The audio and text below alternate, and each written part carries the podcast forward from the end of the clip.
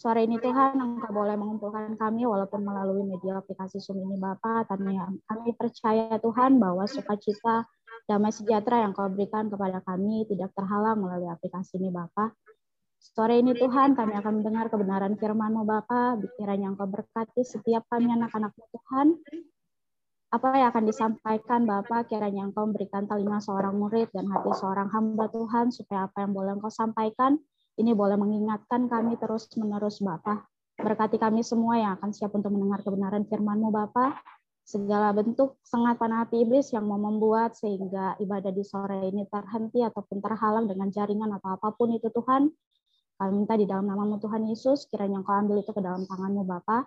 Berkati hambamu yang akan menyampaikan kebenaran firman-Mu Bapak, biarlah apa yang keluar dari bibir mulut ini Tuhan, bukan dari diri sendiri, tapi itu yang daripadamu Tuhan, biar Engkau sendiri yang menyampaikan kebenaran firman-Mu kepada anak-anak-Mu. Terima kasih Tuhan Yesus, berfirmanlah kepada kami Tuhan, karena anak-anak-Mu siap untuk mendengarkan kebenaran firman-Mu. Amin. Shalom semuanya. Puji Tuhan, hari ini saya dikasih kesempatan untuk melayani lagi, untuk uh, menyampaikan kebenaran firman Tuhan. Judul sharing sore ini adalah musuh dalam selimut. Kalau kita mendengar kata musuh, selalu yang ada di benak kita itu kita melihat musuh yang secara jasmani. Tapi sore ini saya nggak akan sharing tentang musuh itu karena musuh yang secara jasmani itu hanya akan mampu untuk menyakiti perasaan kita, tapi dia tidak akan pernah sanggup untuk membuat kita jauh dari kasihnya Tuhan. Tapi ada satu musuh yang sore ini Tuhan Yesus mau ngingetin bukan buat saudara saya, tapi dengan saya juga. Ada satu musuh yang kalau kita nggak menyadari keberadaannya, itu akan sanggup untuk membuat kita tidak mampu mengucap syukur untuk kebaikan Tuhan, untuk penyertaan Tuhan dalam kehidupan kita. Nah, sore ini firman Tuhan terambil dari Lukas pasal 12. Kita bisa sama-sama buka Alkitabnya masing-masing. Lukas pasal 12 ayat 22 sampai ayatnya yang ke-34. Sudah semua ya? Ada di screen juga. Terima kasih Pak Indra. Saya akan baca hal kekhawatiran. Yesus berkata kepada murid-muridnya, "Karena itu aku berkata kepadamu, janganlah khawatir akan hidupmu, akan apa yang hendak kamu makan, dan janganlah khawatir pula akan tubuhmu, akan apa yang hendak kamu pakai. Sebab itu lebih penting daripada makanan, dan tubuh itu lebih penting daripada pakaian. Perhatikanlah burung-burung gagak yang tidak menabur dan tidak menuai dan tidak mempunyai gudang atau lumbung, namun demikian diberi makan oleh Allah. Betapa jauhnya kamu melebihi burung-burung itu. Siapakah di antara kamu yang karena kekhawatirannya dapat menambahkan sahasta pada jalan hidupnya? Jadi, jika kamu tidak sanggup membuat barang yang paling kecil, mengapa kamu khawatir akan hal-hal lain? Perhatikanlah burung bunga bakung yang tidak memintal dan tidak menenun.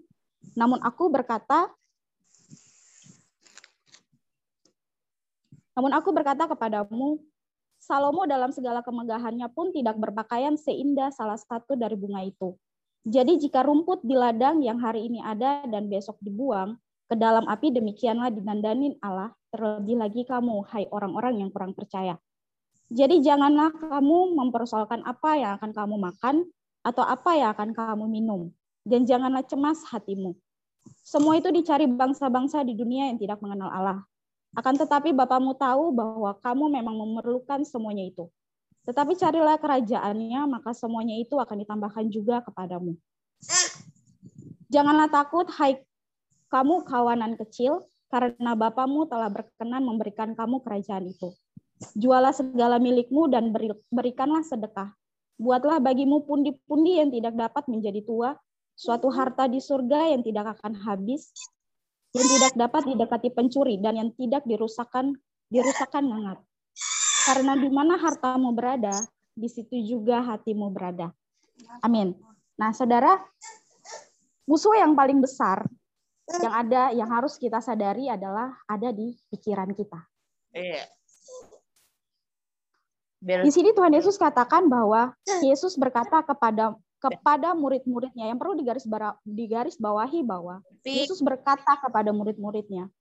Di sini Tuhan Yesus yang mengatakan kepada murid-muridnya, bukan saya, bukan Pak Indra ataupun yang lain, tapi ini Allah yang hidup, Allah yang sudah memberikan hidupnya buat saudara dan saya, ini yang menyampaikan kebenaran firman-Nya bahwa Yesus berkata kepada murid-muridnya. Di dalam Alkitab, kalau satu sesuatu hal yang dicatat lebih dari satu kitab, itu artinya sesuatu yang sangat penting. Hal kekhawatiran ini tercatat juga ada di kitab yang lain, Matius pasal 6, mungkin ada di kitab yang lain. Berarti hal kekhawatiran ini merupakan satu concernnya Tuhan. Kehidupan manusia bukan baru ada di zaman yang sekarang, tapi kehidupan manusia itu sudah ada 2000 tahun yang lalu, bahkan ketika Tuhan Yesus masih menjadi manusia, itu sudah ada di zaman sekarang dan masa depan pergumulan manusia sudah ada dari zaman 2000 tahun yang lalu, sekarang bahkan masa depan. Berarti Tuhan melihat bahwa hal kekhawatiran ini ini sesuatu yang begitu penting sehingga harus diingetin lagi ke kita. Nah, sore ini ketika Tuhan menyampaikan kebenaran firman ini, saya disuruh menyampaikan kebenaran firman ini pun ini yang merupakan satu rema dalam perjalanan saya. Dan sampai saya menyampaikan ini pun pergumulan saya belum dijawab Tuhan, tapi ditambah lagi masalah yang baru. Tapi hari ini Tuhan mau sama-sama ingetin buat saudara dan saya. Kehidupan manusia, pergumulan manusia itu sering kali didikte hanya dengan kebutuhan sandang, pangan, dan papan. Kebutuhan perut, pakaian. Selalu orang berpikir, selalu orang khawatir akan hidupnya, khawatir akan rezekinya, khawatir akan berkatnya, khawatir akan jodohnya, khawatir akan masa depan keluarganya, nanti punya anak mau kayak gimana, anaknya sekolah di mana, dan lain-lain. Semua selalu berhubungan dengan jasmani. Sehingga Tuhan Yesus perlu mengingatkan kita kembali bahwa ada satu bentuk kehidupan yang tidak terjamah dengan kehidupan sandang pangan dan papan. Nah, Tuhan Yesus katakan di sini bahwa jangan khawatir. Berulang kali Tuhan katakan jangan khawatir akan hidupmu. Kata hidupmu di sini katamu itu berarti personal, pribadi dengan pribadi. Tidak bisa disamaratakan semua. Semua punya pergumulan yang mungkin objeknya sama, tapi kadarnya itu berbeda. Nah, Tuhan Yesus katakan bahwa jangan khawatir. Berulang kali Tuhan bilang, Tuhan ingetin terus, jangan khawatir, jangan khawatir. Kalau Tuhan Yesus yang sudah menyerahkan hidupnya, Tuhan kita tuh bukan Tuhan yang penjual obat, bukan seorang motivator yang bisa mendeklarasikan kalimatnya hanya untuk membuat orang percaya, tapi dia belum tentu ada menghidupi apa yang dia sampaikan. Tapi Allah kita, Allah yang hidup, Allah yang sudah menyerahkan hidupnya untuk saudara dan saya. Ini yang sedang menyampaikan bahwa jangan khawatir. Tuhan tahu apa yang engkau butuhkan. Tuhan tahu engkau sedang memikirkan apa. Tuhan tahu apa yang membuat hatimu cemas? Sehingga Tuhan menyampaikan bahwa jangan khawatir. Kita boleh ya di flashback sedikit tentang perjalanan bangsa Israel ketika Tuhan Yesus bawa mereka keluar dari tanah Mesir ke Kanaan. Mereka tuh selalu mengeluhnya tentang makanan. Ketika saat itu Tuhan bikin mujizat buat mereka, Tuhan tunjukin, Tuhan kasih persungutan mereka Tuhan dengar, Tuhan kasih mujizat burung puyuh dan mana. Bahkan mereka makan sampai kenyang, saking maruknya mereka, mereka simpan dan akhirnya itu busuk, mereka nggak bisa makan.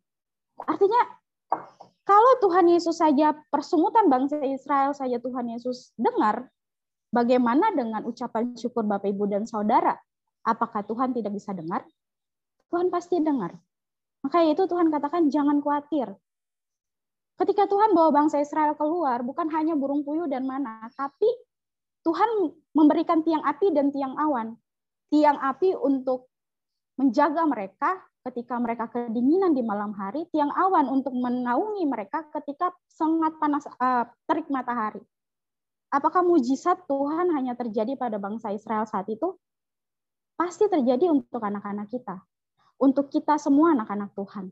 Tuhan nggak pernah diskriminatif terhadap umatnya. Tuhan nggak pernah yang namanya pilih-pilih kasih Nggak ada yang namanya anak emas di hadapan Tuhan. Semuanya sama. Tuhan tahu apa yang harus Tuhan kerjakan. Kalau hari-hari ini kita punya banyak pergumulan yang belum Tuhan jawab, jangan lari, ikutin. Karena kita ini anak-anak Tuhan seperti puk di tangan tukang periuk. Tuhan mau bentuk apa, itu suka-sukanya Tuhan.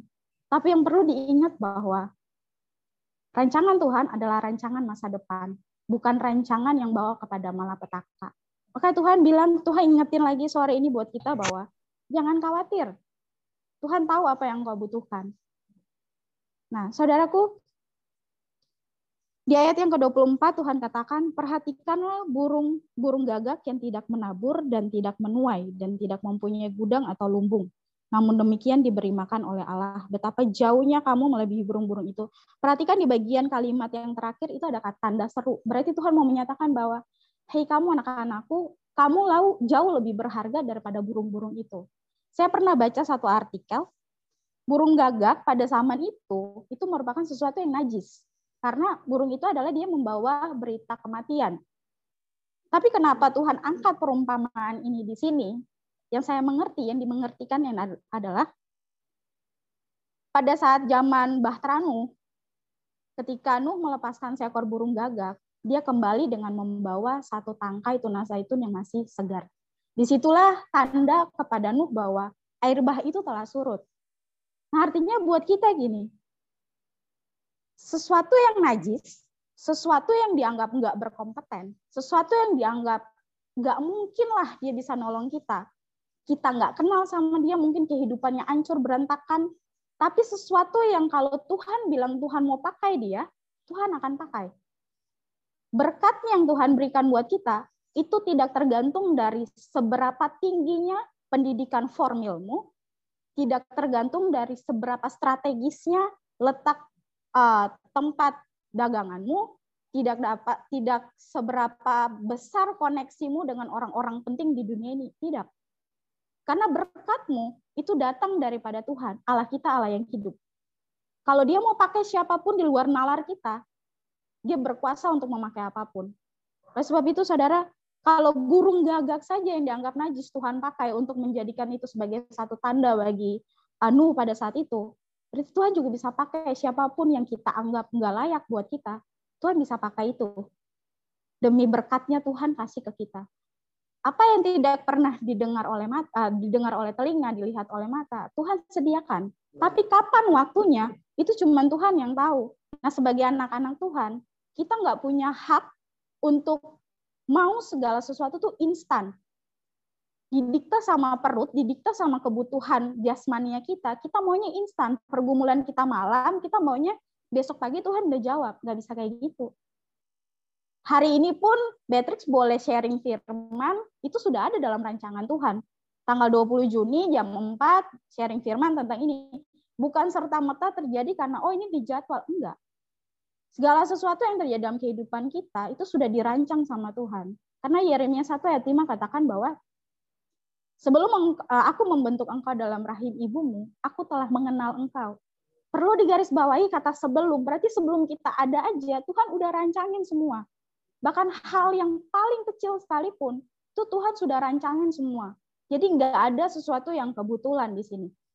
Semua yang terjadi hal besar, engkau mengalami sukacita, engkau mengalami duka cita, semua Tuhan udah rancangkan. Tugas kita hanyalah mengucap syukur mengucap syukur. Tuhan nggak pernah diskriminatif terhadap umatnya. Tuhan itu peka buat setiap anak-anaknya. Dia tahu apa yang dibutuhkan. Tapi apa yang dia mau, anak-anaknya itu nurut, ikutin apa maunya dia. Sepahit apa pun prosesmu, Tuhan nggak pernah ninggalin. Kalaupun saat ini kita lemah, kalau kita melihat pada kondisi kita, mungkin kita terhimpit dengan berbagai macam masalah yang menurut nalar kita, wah udah nggak bisa deh, udah nggak tahu lagi jalannya mau kayak gimana. Yang harus dilakukan adalah tetap ingat penyertaan Tuhan itu nggak pernah Tuhan tinggalin kita, dia selalu ada bersama-sama dengan kita. Tuhan bukan berjalan di belakang kita, tapi Tuhan selalu berjalan di samping kita karena dia Allah yang kuasa. Dia sanggup memberikan apa pun untuk membuat menyatakan setiap rancangannya dalam hidup saudara dan saya. Di ayat yang selanjutnya, Tuhan memberikan perumpamaan banyak sekali seperti tentang uh, bunga bakung, seperti rumput.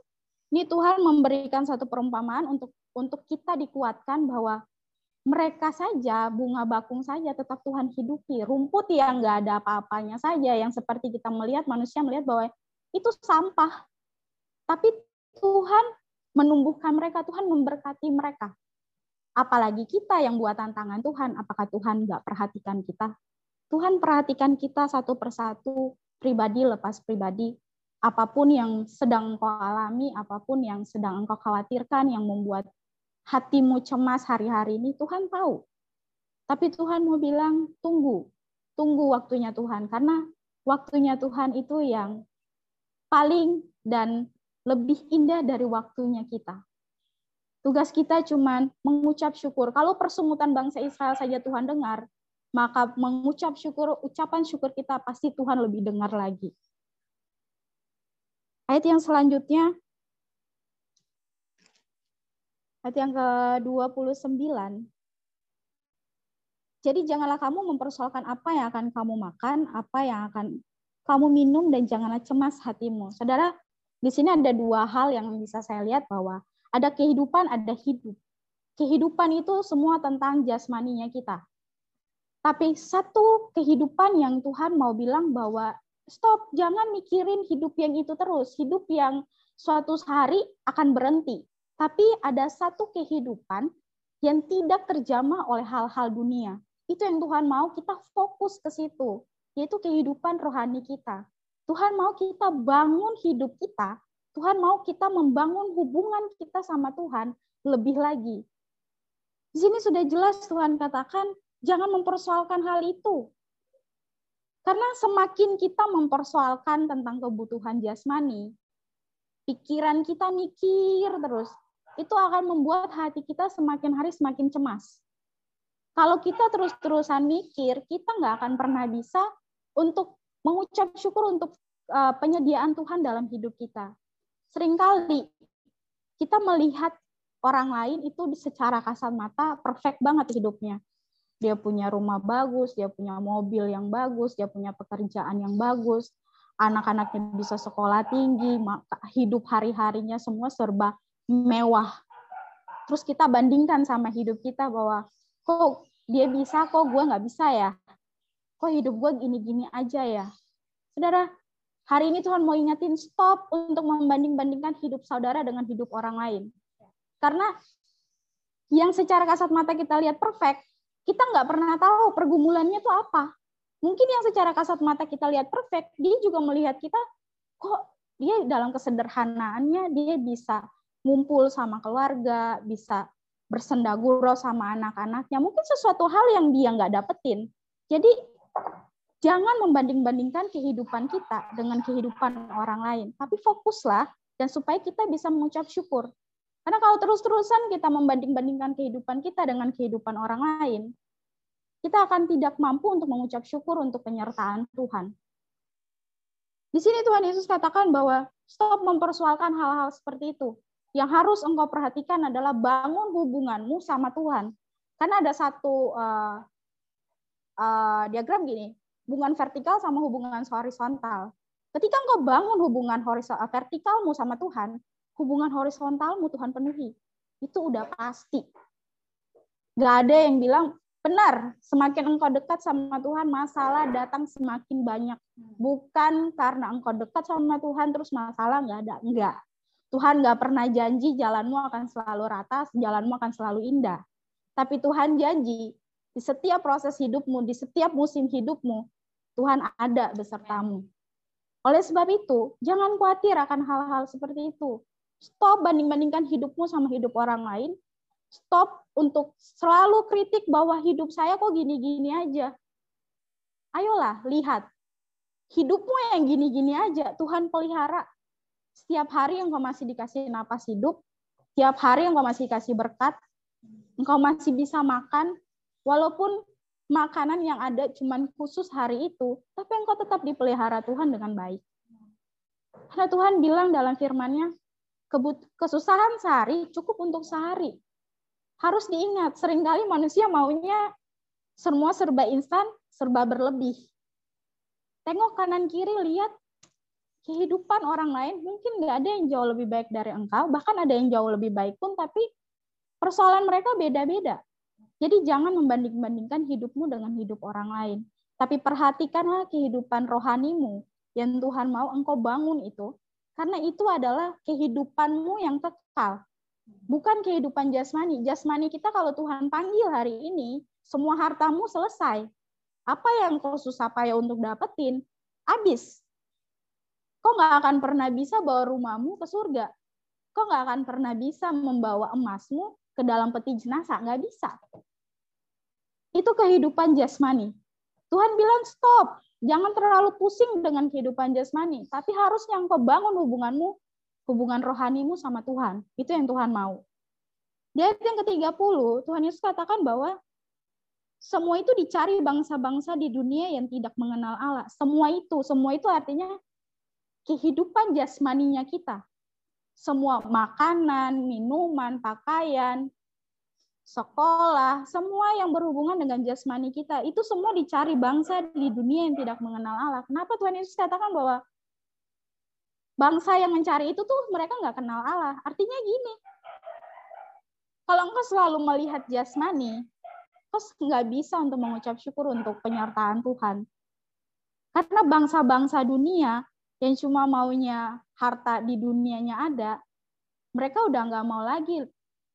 Jadi harta itu seperti dewa, seperti Tuhan buat mereka. Mereka seakan-akan nggak butuh Tuhan lagi. Itu yang Tuhan nggak mau. Kayak Tuhan katakan, semua itu adalah yang dicari oleh bangsa-bangsa dunia. Sore ini Tuhan mau bilang, kehidupan saudara dan saya nggak boleh seperti itu. Karena Tuhan Yesus sudah berikan hidupnya buat saudara dan saya, Tuhan mau kita bangun kehidupan rohani kita lebih lagi. Di ayat yang selanjutnya, Tuhan Yesus katakan bahwa, tetapi carilah kerajaannya, maka semuanya itu akan ditambahkan juga kepadamu. Cari kerajaannya Tuhan, itu berarti hidupmu harus dibangun di dalam Tuhan. Semakin hari engkau harus memperbarui hidupmu untuk semakin lagi dibangun di dalam Tuhan.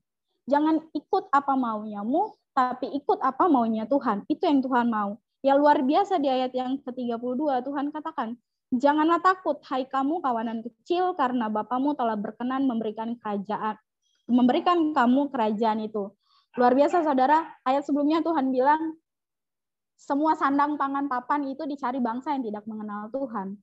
Tuhan mau engkau cari kerajaannya Tuhan. Tapi di ayat selanjutnya Tuhan bilang, Tuhan berkenan memberikan kerajaannya buat engkau apa yang lebih indah daripada perkenanan Tuhan dalam hidup saudara dan saya? Kalau kita mau lihat, uh, ada satu perumpamaan ketika Tuhan Yesus menyembuhkan seorang perwira. Kepala perwira itu datang dan dia bilang, Tuhan, bersabda saja di sini, maka perwiraku akan sembuh di sana. Luar biasa. Imannya yang dilihat adalah ketika Tuhan bersabda, ketika Tuhan berkenan saat itu untuk memberikan dia kesembuhan, kesembuhan terjadi. Kalau hari ini Tuhan Yesus katakan bahwa Tuhan berkenan kasih kerajaan itu, berarti saudara janji Tuhan ya dan amin buat setiap kita. Tuhan Yesus sudah berkenan, nggak ada lagi yang perlu kita takutin. Walaupun kita punya seribu satu alasan untuk tetap khawatir, sering kali kita selalu dimanjakan oleh pemikiran kita bahwa wajarlah masih khawatir orang masih hidup di dunia, wajarlah masih harus memikirkan planning besok mau ngapain, wajarlah. Enggak, hari ini Tuhan mau ingetin kembali, stop yang seperti itu. Karena hidupmu ada di dalam tangannya Tuhan. Cari kerajaannya Tuhan yang Tuhan sudah berkenan untuk memberikannya. Saat ini boleh Beatrix yang sampaikan firman Tuhan. Tapi saya percaya bahwa saat ini Tuhan sedang berbicara face to face dengan Bapak Ibu Saudara dan termasuk dengan saya. Tuhan ingetin lagi, jangan khawatir. Jangan khawatir akan sesuatu hal yang akan selesai begitu saja, nggak ada maknanya di akhir, tapi Tuhan mau engkau bangun sesuatu yang itulah hartamu yang ada di, di surga. Kemudian Tuhan Yesus katakan bahwa jualah segala milikmu dan berikanlah sedekah. Ini ada tanda seru di sini, artinya sesuatu yang seperti perintah. Berikanlah sedekah. Kalau Tuhan tahu memberkati engkau, ketika engkau nggak punya pekerjaan, engkau berdoa meminta pekerjaan, Tuhan kasih sebagai anak yang baik. Di sini sudah Tuhan katakan bahwa jualah hartamu, berikanlah sedekah. Artinya ada bagiannya Tuhan yang harus engkau kasih. Kalau selalu diingetin tentang persembahan, tentang persepuluhan, itu bukan jangan lihat manusia yang mengingatkannya, tapi lihatlah bahwa ini Tuhan Yesus sendiri yang bilang, berikanlah sedekah. Berarti ada bagian yang harus kita berikan.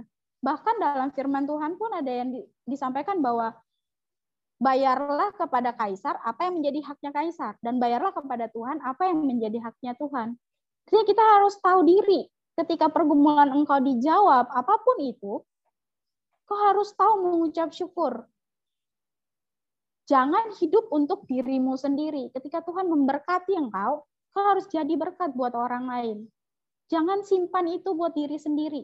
Tuhan gak mau anak-anak Tuhan kayak gitu. Nah, Tuhan Yesus katakan selanjutnya bahwa buatlah bagimu pundi-pundi yang tidak dapat menjadi tua, suatu harta di surga yang tidak akan habis dan yang tidak didekati pencuri dan yang tidak dirusakkan ngengat. Artinya kalau diingetin tentang hal sedekah, tentang persepuluhan, mungkin berat secara jasmani mikirnya gue kan masih punya kebutuhan yang lain kalau gue kasih ini, ntar hidup gue gimana? Banyak pertimbangan-pertimbangan, tapi Tuhan bilang, itulah benih yang tidak bisa dicuri sama si pencuri. Itu benih kekekalanmu yang sedang engkau tabung. Bukan serta-merta melihat si gereja suruhnya ngasih ini, harusnya begini. Enggak. Diingetin lagi sekarang bahwa itulah benihmu yang sedang engkau tabung. Kau tidak memberikan secara cuma-cuma, tapi itulah yang sedang engkau tabung buat kelak. Itu nggak bisa dirusak, itu nggak bisa dicuri sama siapa pun. Jadi mari kita sama-sama tahu untuk mengucap syukur, tahu untuk mengembalikan apa yang menjadi haknya Tuhan. Ketika Tuhan memberkati kita, kita harus jadi berkat juga buat orang lain. Jangan simpan itu buat diri sendiri. Kebutuhan jasmanimu Tuhan penuhi percaya hari ini Tuhan mau ingetin lagi, semakin engkau bangun kehidupan rohanimu sama Tuhan, maka kehidupan jasmanimu akan Tuhan penuhi dengan sendirinya. Gak perlu takut, gak perlu untuk harus bergantung bahwa peker dari pekerjaan Tuhan mampu pakai apa pun yang gak layak sekalipun menurut kita. Kalau Tuhan mau kasih, Tuhan akan kasih, Tuhan akan pakai. Hari ini engkau boleh punya jabatan tinggi, tapi kalau Tuhan bilang turun, turun, apa yang bisa kita banggakan? Nggak ada. Itu sesuatu yang nggak kekal. Tapi carilah kehidupan yang kekal. Carilah hidup yang kekal. Carilah upah yang tidak akan pernah bisa untuk dicuri sama iblis pun nggak bisa. Tuhan ingetin lagi hari ini, jangan khawatir, berikan sedekah, tabung benihmu, karena itu yang kekal di surga, bukan sesuatu yang sia-sia. Karena jasmani hanya dicari sama orang-orang fasik, tetapi engkau diminta untuk bangun hidupmu, kehidupan rohanimu, karena itulah yang kekal. Dan ayat yang selanjutnya dikatakan, karena di mana hartamu berada, di situ juga hatimu berada. Saudara, sering kali kita lihat orang yang perfect, orang yang kehidupannya semua serba ada, serba mewah. Tiba-tiba dia stroke, tiba-tiba dia jantungan. Karena apa? Firman Tuhan sudah jelas-jelas di sini bahwa katakan di mana hartamu berada, di situ hatimu berada. Jadi kalau hidupmu selalu membanding-bandingkan, lama-lama nanti pikiran sakit, karena di situlah hartamu di, di mana hartamu berada, di situ hatimu. Tapi kalau engkau bangun hubunganmu sama Tuhan, hatimu berada di dalam kekudusannya Tuhan. Engkau akan selalu dijaga. Ketika masalah datang, Tuhan selalu buka. Gini loh, ini langkahnya. Gak harus sesuai seperti apa yang kita mau. Tapi apa yang Tuhan rencanakan itu pasti terjadi. Ketika masalah semua datang bertubi-tubi satu persatu kita udah nggak tahu lagi ah nggak tahu lagi Tuhan mau kayak gimana. Seringkali manusia itu selalu memikirkan bahwa hidup dan kehidupannya itu milik Dia. Padahal sebenarnya bukan punya kita. kita ini cuman buatan tangan Tuhan yang Tuhan ciptakan untuk pekerjaan Tuhan. Kita tuh nggak punya hak untuk hidup kita sebenarnya. Karena kita hidup hanya untuk ikut maunya Tuhan. Tapi sering kali kita ini masih hidup di dunia, Tuhan masih titipkan, bukan kita hidup di sini. Tuhan masih titipkan kita di sini. Suatu saat engkau dipanggil pulang, maka harusnya pada saat engkau dititipkan di sini, berpikirlah untuk bagaimana kehidupanmu ketika kelak engkau dipanggil. Karena jasmania semuanya akan lenyap, tapi cuma ada satu yang akan kekal, itu kehidupan rohanimu. Jadi jangan pernah takut, hari ini firman ini disampaikan, mungkin masalah lagi banyak, mungkin ada yang bilang ah bisa ngomong doang tapi nggak bisa nggak bisa ngerasain. Enggak saudara. Saya mau sampaikan hari ini saya disampaikan firman ini pun pergumulan saya lagi bertubi-tubi. Bukan pergumulan saya dijawab tapi datang lagi masalah yang baru. Tapi hari ini Tuhan mau ingetin sama-sama. Tuhan lagi ngomong sama saudara dan termasuk sama saya. Oh jangan takut. Hidupmu sudah aku tebus. Hidupmu sudah ada dalam tanganku, hidupmu sudah ada dalam rancanganku. Gak perlu kamu khawatir, kamu jauh lebih berharga daripada bunga bakung, kamu jauh lebih berharga daripada semua itu. Allah kita Allah yang hidup, Allah yang punya kuasa, Allah yang punya otoritas. Dia mau pakai apa pun, dia mau pakai siapa pun, semua bisa terjadi. Cuman satu yang Tuhan mau. Yuk kita sama-sama bangun kehidupan rohani kita Selalu mengucap syukur ketika engkau ada dalam masalah. Jangan tinggalin Tuhan ketika pergumulanmu sudah dijawab. Tapi terus mengucap syukur karena ketika engkau belum tahu apa maunya Tuhan dalam hidupmu, ikutin prosesnya. Tuhan nggak pernah jauh dari kita. Seringkali kita yang jauh. Ketika Tuhan izinkan kita jatuh dalam dosa, sering kali stigma pemikiran kita bilang gini, aduh gue udah dosa nih, tunggu dulu deh, Tuhan mau ketika engkau berbuat dosa, datang sama Tuhan. Minta ampun sama Tuhan. Tuhan nggak pernah jauh. Gak usah tanya bahwa nanti Tuhan ampunin saya atau enggak ya. Enggak. Itu pertanyaan bodoh. Berarti kalau ada masih ada pertanyaan yang seperti itu, itu pertanyaan yang bagi anak-anak yang nggak kenal siapa bapaknya. 2000 tahun yang lalu dia sudah menyerahkan nyawanya untuk saudara dan saya untuk menebus dosa kita. Jadi kalau masih ada pertanyaan Tuhan ampunin saya apa enggak ya? Tugas kita menyadari apa yang dilakukan, minta ampun, dan kembali. Jangan lagi jatuh di lubang yang sama. Kalaupun Tuhan izinkan jatuh di lubang yang sama, tanya sama Tuhan. Kenapa? Jadi jangan selalu mikirin hidup kita ini adalah punya kita. Mulai dari sekarang, sore ini diingetin lagi, jangan khawatir. Maka yang harus kita lakukan adalah mengucap syukur dalam segala hal, apa pun proses dalam hidup kita. Yang kedua, Jangan merasa hidupmu adalah hidupmu, milikmu, tapi bergantunglah sama Tuhan. Karena cuma Tuhan yang tahu apa yang akan terjadi. Bahkan satu detik setelah ini pun Tuhan lebih tahu apa yang akan terjadi. Amin. Ini sharing saya sore ini. Mari tundukkan kepala kita berdoa. Tuhan Yesus, terima kasih. Terima kasih karena Engkau mengingatkan kami lagi Tuhan tentang hal kekhawatiran Bapak. Seringkali kami secara manusia berlindung di dalam dan bermanja di dalam pemikiran kami bahwa segala apa yang dikhawatirkan itu adalah sesuatu yang wajar. Tapi hari ini Tuhan, terima kasih banyak karena Engkau mengingatkan kami semua Tuhan, bahwa Tuhan Yesus nggak mau kami hidup dalam kekhawatiran karena hidup kami sudah Engkau tanggung di dalam kematianmu di tiang kayu salib Bapak. Jika sore ini Tuhan Engkau mendapati setiap anak-anakmu yang berbeban berat Bapak, apa yang menjadi kecemasan dalam hati mereka, apa yang mereka pikirkan. Mari jauh Tuhan, Engkau Engkau uh, datang ke jamah mereka Tuhan.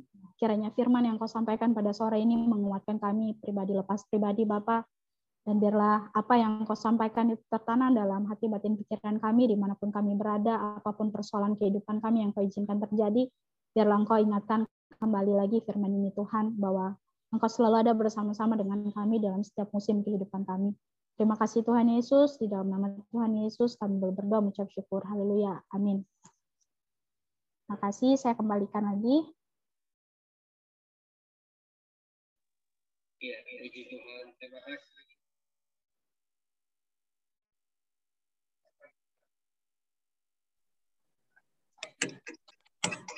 Shalom semuanya. Uh, saya akan membacakan pengumuman Minggu 20 Juni 2021.